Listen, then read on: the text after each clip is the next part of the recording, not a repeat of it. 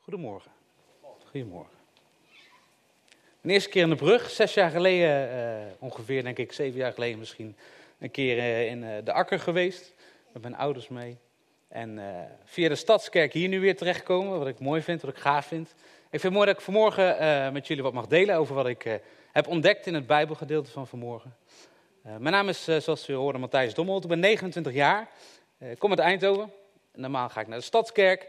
En in het dagelijks leven ben ik docent Nederlands op een mbo-school. Het Summer College misschien wel bekend als je hier in de buurt woont. Dat is bijna niet te missen. En vanmorgen wil ik het hebben over uh, een leven in overvloed. We gaan eerst kijken naar een filmpje en ik ben benieuwd of sommigen van jullie jezelf herkennen in het filmpje. Ik wel. Staat hij ervoor of staat hij er niet? Hij staat ervoor. Dan neem ik hem mee. Pakken we allemaal even de agenda erbij? Want 10 september gaat er iets bijzonders gebeuren. Dan valt namelijk de megajackpot van 26,3 miljoen. Hij valt dus zeker. Ja, dan kan je eigenlijk al plannen gaan maken. Moet je natuurlijk wel een spaarslot hebben. Oh, 26,3 miljoen. Wie heeft deze reclame al eens voorbij zien komen? Jawel hè. Ja, daar steken ze geld in en nog maken ze winst hè. Um, even handen. Als je niet je hand wil opsteken is het ook goed. Mag. Uh, wie heeft wel eens een, iets van een lot gekocht? Oké, in zijn of haar leven. Prima, oké. Um, wie heeft er ook wel eens een, beetje gewonnen? Oh, eentje. Ja. ja, ik heb gewonnen laatst met en, laatst met en nieuw, is alweer maanden geleden. Maar uh, had ik 20 euro gewonnen. Alleen jammer was dat het lot 30 euro kostte. Dus dan kom je aan saldo uh, min 10 uit. Nou ja, voor voor, toch voor je gevoel heb je dan toch het idee, ik heb wat gewonnen. Want je mag het dan ophalen en dan krijg je het terug. En voor je gevoel, dan denk ik toch, heb die 20 euro in de zak. Um, wie herkent zich een beetje, misschien wel aan deze man, hoe die een beetje de, erbij loopt. In aanloop naar zo'n trekking. Ja, ik wel. Ik zeg een heel voorzichtig vingertje. Ja, toch wel? Oké, oké. Ik ook. Ik, ik, moet zeggen dat ik me stiekem toch wel herken. Um, ze hebben een concept, de tiende kan het gebeuren. Dat is een beetje een slogan. Hè? En ik heb nou ook wel nadeel dat ik op de tiende jarig ben. En dat, dat noem ik dan maar even de reden waarom ik meedoe. Nee, dat is natuurlijk niet waar. Maar ergens heb ik het gevoel dat ik... Nou, laat ik toch maar meedoen, want stel dat. Hè, stel dat die een, hoeft maar, één keer te gebeuren en dan ben ik meteen klaar. En dan heb ik al die andere keer dat ik mee heb gedaan er ook uit. Dus ik denk, nou ja, laten we het maar doen. En ik ben 10 oktober jarig, dus 10 oktober dan is het altijd raken en dan doe ik het. Ik heb mezelf eens afgevraagd waarom eigenlijk. Ben ik bang om iets te missen of vind ik het gewoon de kick misschien wel leuk? Want ik heb ook vrienden en dan spreken we met elkaar af. Ja, doen we met z'n tweeën, dan doen we uh, zo'n straatje 1 vijfde loten. En dan betalen we met z'n tweeën en dan delen we ook zeg maar, de winst door z'n tweeën. Nou ja, met 1 vijfde loten dan hou je al weinig over je dat moet delen door twee. Dus dat, daar komt niet heel veel van terecht. Maar die spanning dat s'avonds om half tien, rond een uur of op de tiende, rond half tien komt dat online. Dan moet je het lotnummer intypen en dan gaat hij rollen en dan stopt hij. En dan staat er 9 van de 10 natuurlijk helaas geen prijs. Of 2,50. Ik ben er gevoelig voor, heb ik gemerkt. Vandaag wil ik het hebben over een leven in overvloed. Onthoud dit maar even. Ik ga het hebben over uh, drie verhalen in het Bijbelboek Johannes. Johannes was een leerling van Jezus en heeft veel opgeschreven wat hij heeft meegemaakt in zijn leven van Jezus. Om zijn grootheid te laten zien. Uh, we gaan naar drie verhalen kijken. Uh, dat doen we normaal gesproken door gewoon Bijbel open te slaan en te lezen met elkaar. Vandaag doen we het aan de hand van filmpjes en de Bijbeltekst wordt uitgesproken. Dus als we daar straks naar gaan kijken, wil ik vragen of je wil kijken, maar ook vooral wil luisteren aan wat er verteld wordt. En er zijn twee dingen waarvan ik hoop als je straks weggaat dat je die met je meeneemt. Ik werk het onderwijs, dus heel vaak zeg ik tegen mijn studenten, als ze elkaar nou over een paar maanden weer zien, hebben, ik heb een les, uh, en ik vraag je wat hebben we over dat onderwerp, moest je onthouden. Dan hoop ik altijd dat ze die twee dingen kunnen onthouden. En dan stel dat ik over een paar maanden hier weer ben, en we spreken elkaar met een bakje koffie, zou het leuk zijn als je deze twee dingen, die uh, nu op het scherm komen, uh, nog kan reproduceren. Maar ja, ik zal er geen strafwerk aan hangen of iets hoor. Twee, ehm, wat ik hoop, twee dingen waarvan ik hoop dat je denkt, nou, ik ga naar huis en dit heb ik onthouden. Eén, eh, Jezus wil je een leven in overvloed geven, ongeacht de omstandigheid waarin je je begeeft. En het tweede waarvan ik hoop dat je dat meeneemt, is dat een leven in overvloed, dat je dat onmogelijk in je eentje kan vieren. Dat is wat ik heb mogen halen uit de verhalen van vanmorgen. En dat doen we dus aan de hand van drie Bijbelverhalen uit het boek van Johannes. En we gaan kijken naar het eerste verhaal. En ik ga weer even verhuizen.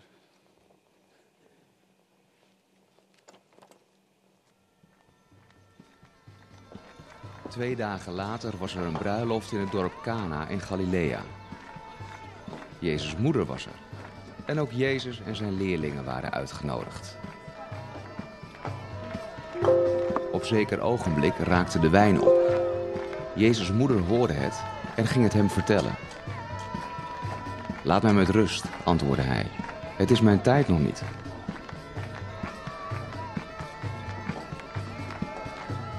Zijn moeder zei tegen de bediende: Doe wat hij u zegt.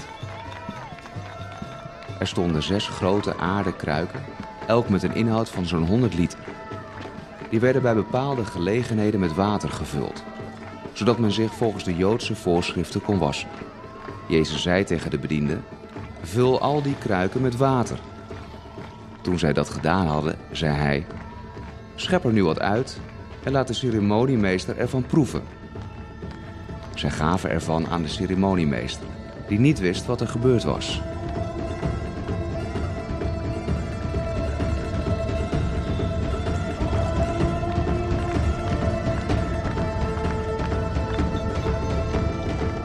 Hij proefde van het water dat wijn was geworden en riep de bruidegom. Hij zei tegen hem: Wat een lekkere wijn! Hoe is het mogelijk? Iedereen schenkt eerst de goede wijn en als de mensen dronken beginnen te worden, was de minder goede. Maar u hebt de beste wijn voor het laatst bewaard.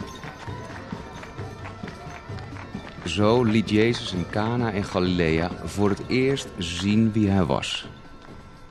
Daar toonde hij zijn grootheid en zijn leerlingen geloofden in hem. Laat ik vooropstellen dat de kans vrij klein is dat het is gegaan zoals je nu gezien hebt. Uh, dit geeft een sfeerbeeld uh, om wat een beetje context te geven aan, aan het verhaal. Uh, ik vind dat Jezus hier wordt een beetje wordt neergezet als een soort van magier. Hij kijkt met zijn ogen en het water verandert in de wijn. Dat is natuurlijk niet de kern van het verhaal en ik geloof niet dat dat per se zo gegaan is. Um, wat we wel hieruit mogen halen is dat het verhaal zich afspeelt in de tijd van Jezus. En misschien vind je het wel, als je het verhaal niet kent, een tikkeltje ongeloofwaardig. Want ik heb niet heel vaak in mijn leven meegemaakt dat water in wijn veranderde. Um, als we nu kijken naar bruiloft, is het vaak een aangelegenheid tussen twee personen. Uh, een beetje mazzel, wat familie, vrienden, kennissen, collega's erbij.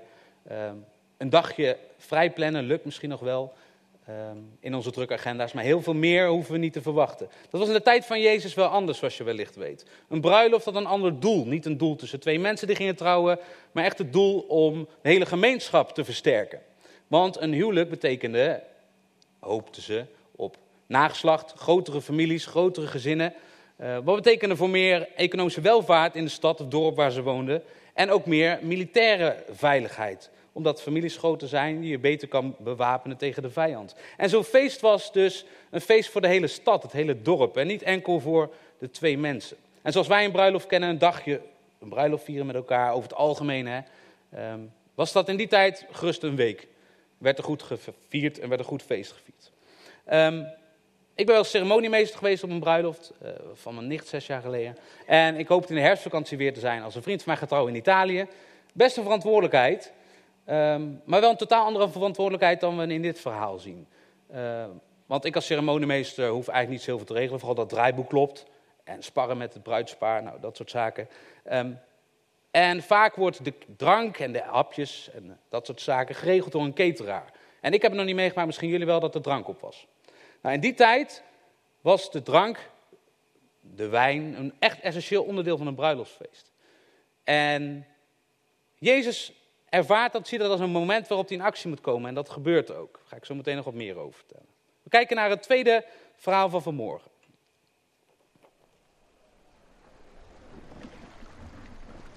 Daarna ging Jezus naar de andere kant van het meer van Galilea.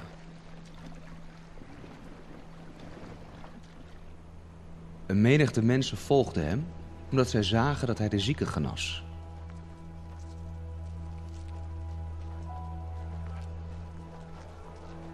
Jezus liep de heuvel op en ging daar met zijn leerlingen zitten. Het was vlak voor Pesach, het Joodse paasfeest. Toen Jezus al die mensen zag aankomen, vroeg hij aan Filippus: Waar kunnen wij brood vandaan halen om die mensen te eten te geven? Niet dat Jezus eten wilde kopen. Hij was iets anders van plan, maar was alleen benieuwd wat Filippus zou antwoorden. Filippus zei, al kopen wij voor 200 zilverstukken brood, dan hebben wij nog niet genoeg om iedereen te eten te geven. Andreas, de broer van Simon Petrus, mengde zich in het gesprek. Hier is een jongen die vijf gerstebroden en twee gedroogde vissen heeft. Maar wat hebben wij daaraan voor zoveel mensen? Jezus zei tegen zijn leerlingen: Laat alle mensen in het gras gaan zitten. Toen bleek dat er alleen al zo'n 5000 mannen waren.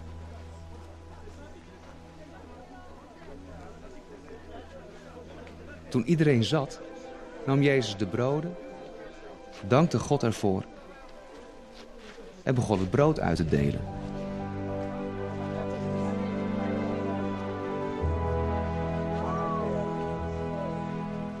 Met de vissen deed hij net zo. En iedereen kon naar behoefte eten. Toen de mensen verzadigd waren, zei Jezus tegen zijn leerlingen: Er is nog heel wat over. Haal het op, want er mag niets blijven liggen. De leerlingen hadden twaalf mannen nodig om het overschot op te halen. Dit verhaal staat wat verderop in Johannes. Ehm, en ook dit vind ik een bijzonder wonder. En ik geloof dat deze wonderen echt zijn gebeurd. Uh, want op het moment dat ik zeg van deze wonderen zijn niet gebeurd, waarom zou ik dan wel geloven dat Jezus voor mij is gestorven en weer is opgestaan? En dit wonder gaat dus wederom om eten en drinken. Die combinatie moet je even onthouden. Um, mooi wordt gezegd in het verhaal, staat in de Bijbel, dat ze pas stopte met eten toen er volop gegeten werd. Nou, ik weet niet hoe het met jullie zit. Als ik volop gegeten heb, moet ik daar drie dagen van bij komen. Wat bijzonder is, Jezus heeft wonderen gedaan, wonderen verricht in de tijd voor dit Bijbelverhaal. En de mensen wilden hem volgen. Waarschijnlijk uit nieuwsgierigheid. Misschien echt, en dat geloof ik ook gelukkig, echt geloven dat Jezus de Messias was. En wonder aan het doen was. En dat dat van God was, een godswonder. En het is dat Jezus eigenlijk misschien wel een soort van kleine pauze inlaste met zijn volgelingen, zijn leerlingen, om even bij te komen te bergen om wat te gaan lunchen. En wat ziet Jezus? Draait zich om en ziet daar 5000 mensen, 5000 mannen en de vrouwen en de kinderen zijn niet meegeteld, dus we hebben het over veel meer dan 5000, aankomen en is vol liefde begaan met die mensen. Hij had ook prima kunnen denken, prima dat je mij volgt, graag zelfs, maar regel even je eigen lunch. Nee, doet hij niet. Hij wil in actie komen en hoe komt hij in actie? Niet met een broodje per persoon, ik kom even een klein stukje halen, volop. Manden waren over aan het einde. We gaan kijken naar het laatste wonder van vanmorgen. Simon Petrus, Thomas, Nathanael uit Cana in Galilea, Jacobus en Johannes en nog twee andere leerlingen waren daar bij elkaar. Ik ga vissen, zei Simon Petrus. Wij gaan mee, zeiden de anderen. Zij gingen naar het meer en voeren met de boot weg. Maar die hele nacht vingen zij niets.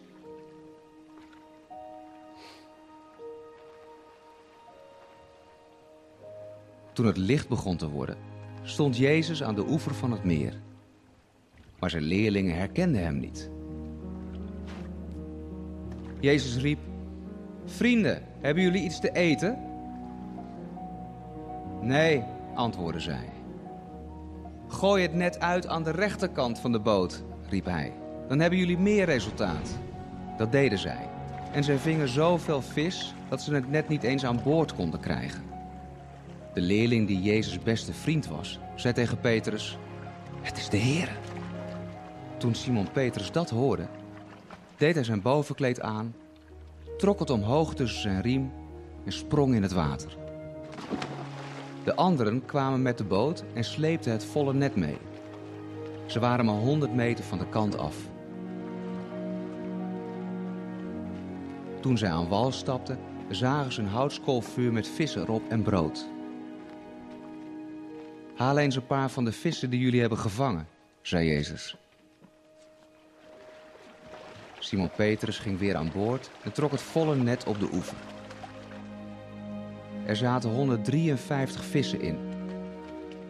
En toch was het net niet gescheurd.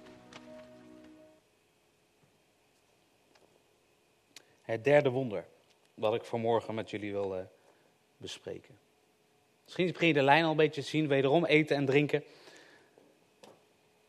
Dit was verderop in het Bijbelboek van Johannes, bijna het einde. En dit is na de dood en opstanding van Jezus, waarin wij geloven als christenen. Waarin we geloven dat Jezus naar de aarde is gekomen om het goed te maken voor ons, is gestorven, maar vooral weer is opgestaan na drie dagen. En eerst herkennen de leerlingen niet uh, dat het Jezus was die de aanwijzing gaf. Lezen we in de Bijbel. Ik kan me voorstellen, ze hebben de hele nacht gevist. dat eh, je redelijk hangry wordt. Is iedereen bekend met dat begrip, hangry? Combinatie tussen hunger, honger, en angry, boos. Dan krijg je hangry. Dus op het moment dat je hangry bent, ben je boos omdat je honger hebt. Nou, ik heb dat regelmatig. Sterker nog, als ik rond 12 uur les moet geven aan mijn studenten, zorg dat ik echt om 11 uur even een snackje heb gehad, want anders ben ik niet te genieten. En dan reageer ik het af op mijn studenten. Nou, ze verdienen veel, maar dat niet. Ik kan me voorstellen als een man langs de kant die je niet herkent als Jezus, je zegt van, hey, joh, weet je wat, je bent niet goed bezig. Gechargeerd staat er niet hoor. Doe even naar rechts het net. Dat je denkt, ja, het is goed vriend, ik heb de hele nacht gewissen. En jij gaat zeggen dat ik hem naar rechts moet gooien. Ik heb nu honger, nou, laten we het maar doen. En het wonder voltrekt zich. En wederom niet even een klein wondertje. Ze waren met z'n zevenen, weer lunchtijd, weer etenstijd. Ga ik straks nog even wat over vertellen. Ze waren met z'n zevenen en er werden 153 vissen gevangen. Even voor de snelle rekenaars. Hoeveel vissen per persoon? Hm? Ja, je had de rekenmachine zeker. Zo, 21,8. Kleine 22, mooi, keurig. 22 vissen per persoon. Nou, dat één, ik krijg het niet op. Ik denk dat hier ook wel sprake is van een overvloed aan eten. Zoals we het woord overvloed eigenlijk bij alle drie de wonderen terug zien komen. Wonderen om de grootheid van God te laten zien. We leven in een uh, wereld die gericht is, zoals ik het een beetje noem, op het hebben van een succesvol leven. Daar gaat het om. Ik werk het MBO, zoals ik al vertelde. Dat zijn studenten van gemiddeld die 16 jaar zijn als ze binnenkomen en begin 20 als ze weggaan. En alles wat daartussenin zit. Die zitten midden in een identiteitsvorming. Wie ben ik? Wat kan ik? Hoe moet ik het doen? Wat vind ik belangrijk? En daar heb ik regelmatig gesprekken over met studenten. is natuurlijk over de studievoortgang, maar ook over wie ze nou zijn en wat ze willen in het leven. En ik stel regelmatig de vraag: laten we eens vijf jaar verder kijken. Laten we eens tien jaar verder kijken. Waar sta je dan? Wat wil je dan? En regelmatig krijg antwoorden te horen als, ja, ik heb die auto gezien, op wat ik die mag rijden. Of ik heb uh, dan een goede baan, verdien goed, vrouw, kinderen, een keer of drie uh, per jaar op vakantie. Schrijnender is als ik ouders, of als ik studenten over ouders voor praten. Als ik vraag waarom zit je hier, wat wil je? Ja, ik moet door naar het hbo, want mijn broer en zus hebben dat ook gedaan.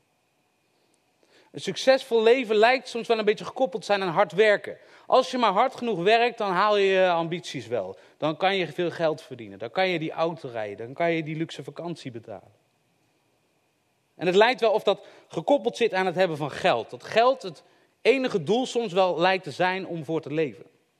Nou, wat ik al vertel, ik ben daar ook wel een beetje gevoelig voor. Helaas moet ik zeggen, dat, daar moet ik aan werken. Ik heb eens momenten dat ik achter mijn laptop zit op het werk of thuis. En dan kan ik wegdromen over dat lot dat ik heb gekocht. En dan ga ik, ik weet niet of mensen het herkennen. Als je het herkent, kom alsjeblieft naar afloop naar me toe. En dan voel ik me niet meer alleen. Dan ga ik naar funda.nl. De huizensite waar je huizen kan kijken. En dan kies ik bij de categorie kies ik de duurste huizen uit. En dan denk ik, als ik nou die prijs vind, dan ga ik hier wonen.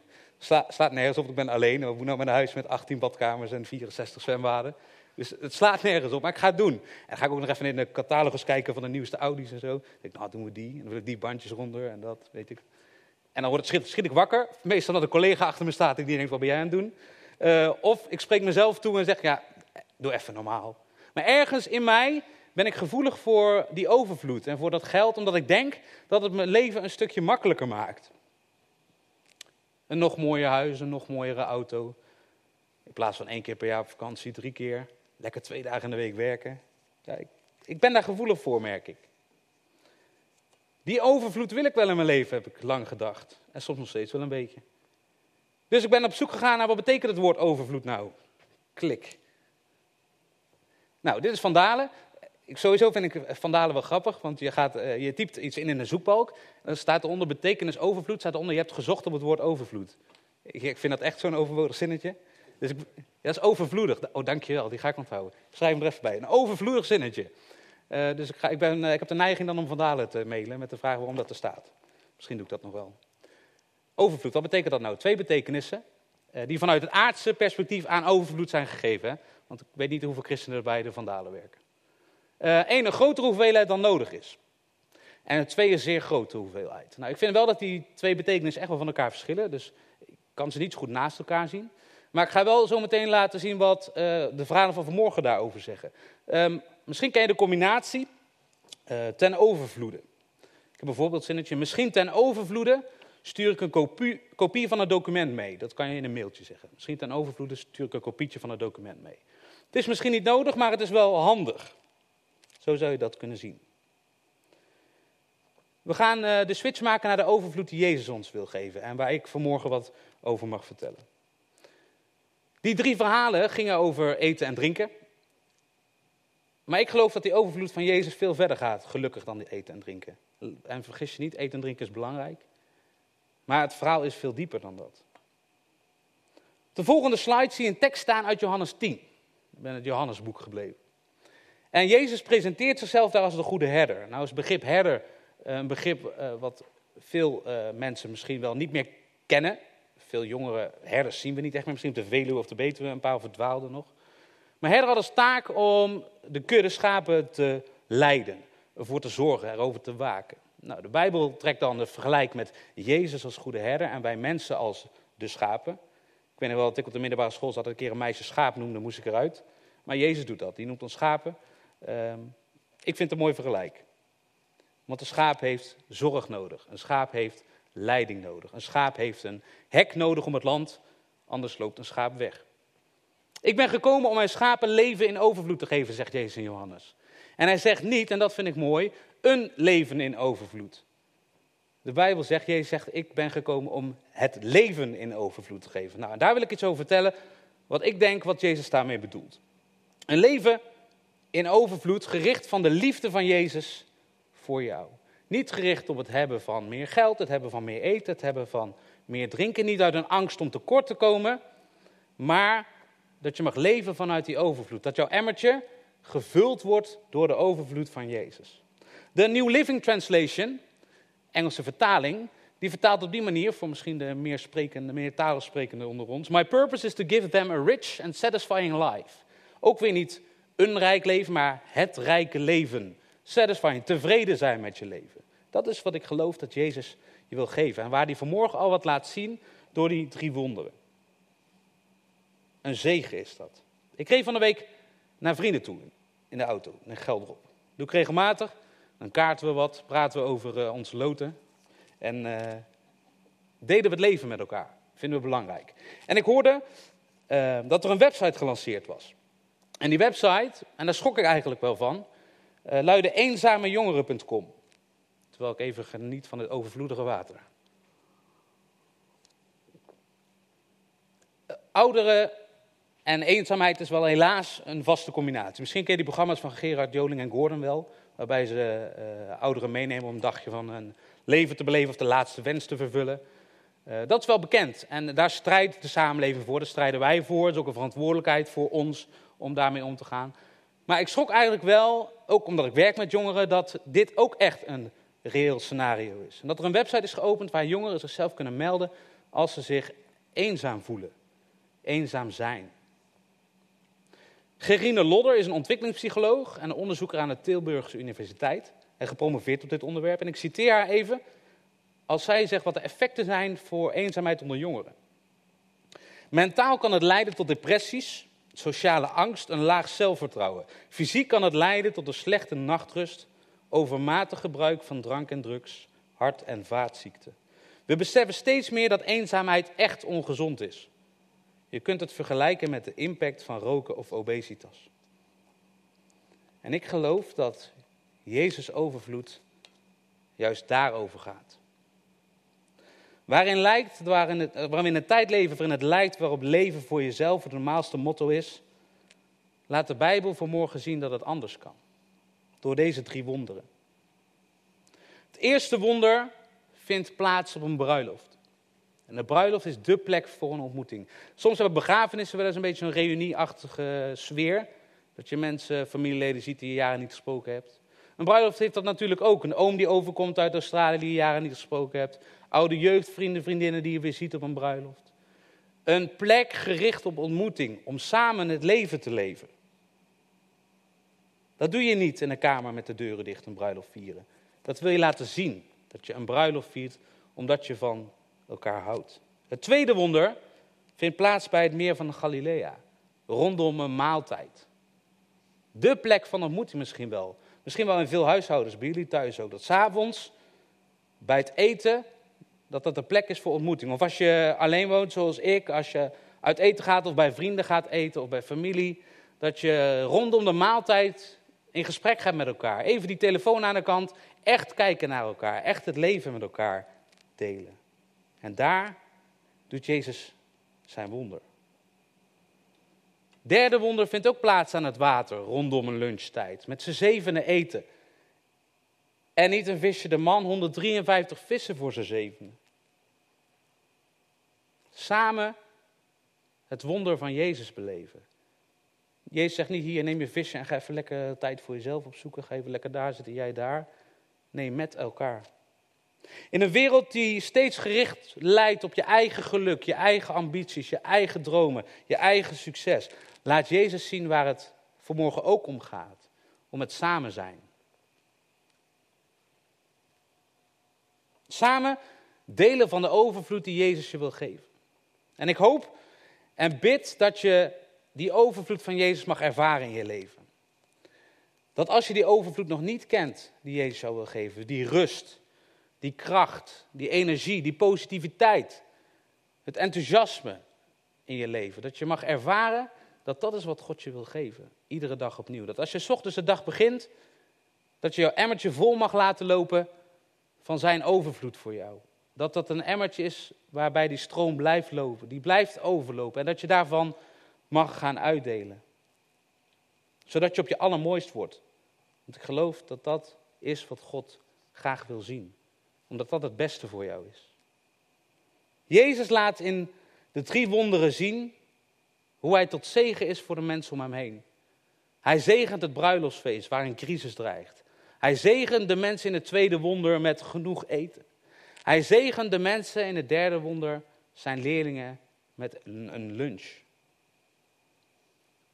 En ik hoop dat je dat mag ervaren in je leven. En als je weer een staatslot gaat kopen, wat ik denk ik ook nog wel eens een keer ga doen, helemaal de tiende van oktober. En mocht je dan een prijs winnen, dat je die overvloed mag gaan uitdelen voor de mensen om je heen. En dat je inziet dat de overvloed in jouw leven de bron heeft die Jezus wil zijn. En niet het najagen van je eigen ambities, je eigen geluk, je eigen carrière. Kom, eet iets, zegt Jezus in het derde wonder. En dat is een uitnodiging die ik ook bij jou wil neerleggen vanmorgen. Wil je iets van het brood van Jezus nemen?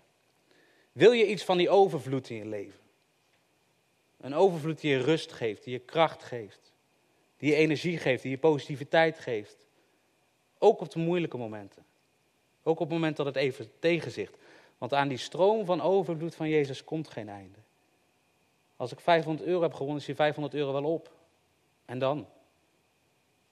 Maar die overvloed van Jezus kent geen einde. Ziet als een uitnodiging van Jezus. Niet om een tijdelijke honger te stillen, maar om overvloed te ervaren die je misschien nu nog niet kent of waar je meer van wil weten.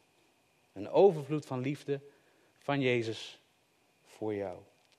Kom, eet iets. Zullen we bidden met elkaar? Lieve God, we zijn hier vanmorgen uit ons bed gestapt om hier bij elkaar te zijn. Om samen te luisteren, te zingen en het leven met elkaar te delen, vader. En ik wil u zegen vragen voor de mensen die hier zitten. Dat zij mogen ervaren en dat jij mag ervaren als je hier zit, dat je geliefd bent. Dat God van je houdt, dat God je ziet en dat God je overvloed wil geven in je leven. De kracht, de rust, de energie, de positiviteit, de vreugde om uit te mogen delen en tot zegen te zijn voor jezelf en de mensen om je heen. En ik bid zo dat als we straks naar huis gaan, als we hier nog met elkaar koffie drinken, als we vanavond eh, bij elkaar komen om te genieten van een maaltijd, dat we genieten van die overvloed die u ons geeft, ook in eten en drinken, dat we daarvan mogen genieten. Maar dat het daar niet stopt en dat uw overvloed zoveel verder gaat, Vader. En ik bid dat we dat in ons hart mogen ervaren, dat we dat mee mogen nemen de week in, dat we dat mogen delen met de mensen om ons heen, vanuit die overvloed. En dat we als we elkaar volgende week weer zien, weer mogen horen wat u ons te vertellen hebt, Vader. Zegen ons en wat bent u groot, wat bent u goed en wat is het een wonder om uw naam te mogen roepen. Dat bid ik in Jezus' naam. Amen.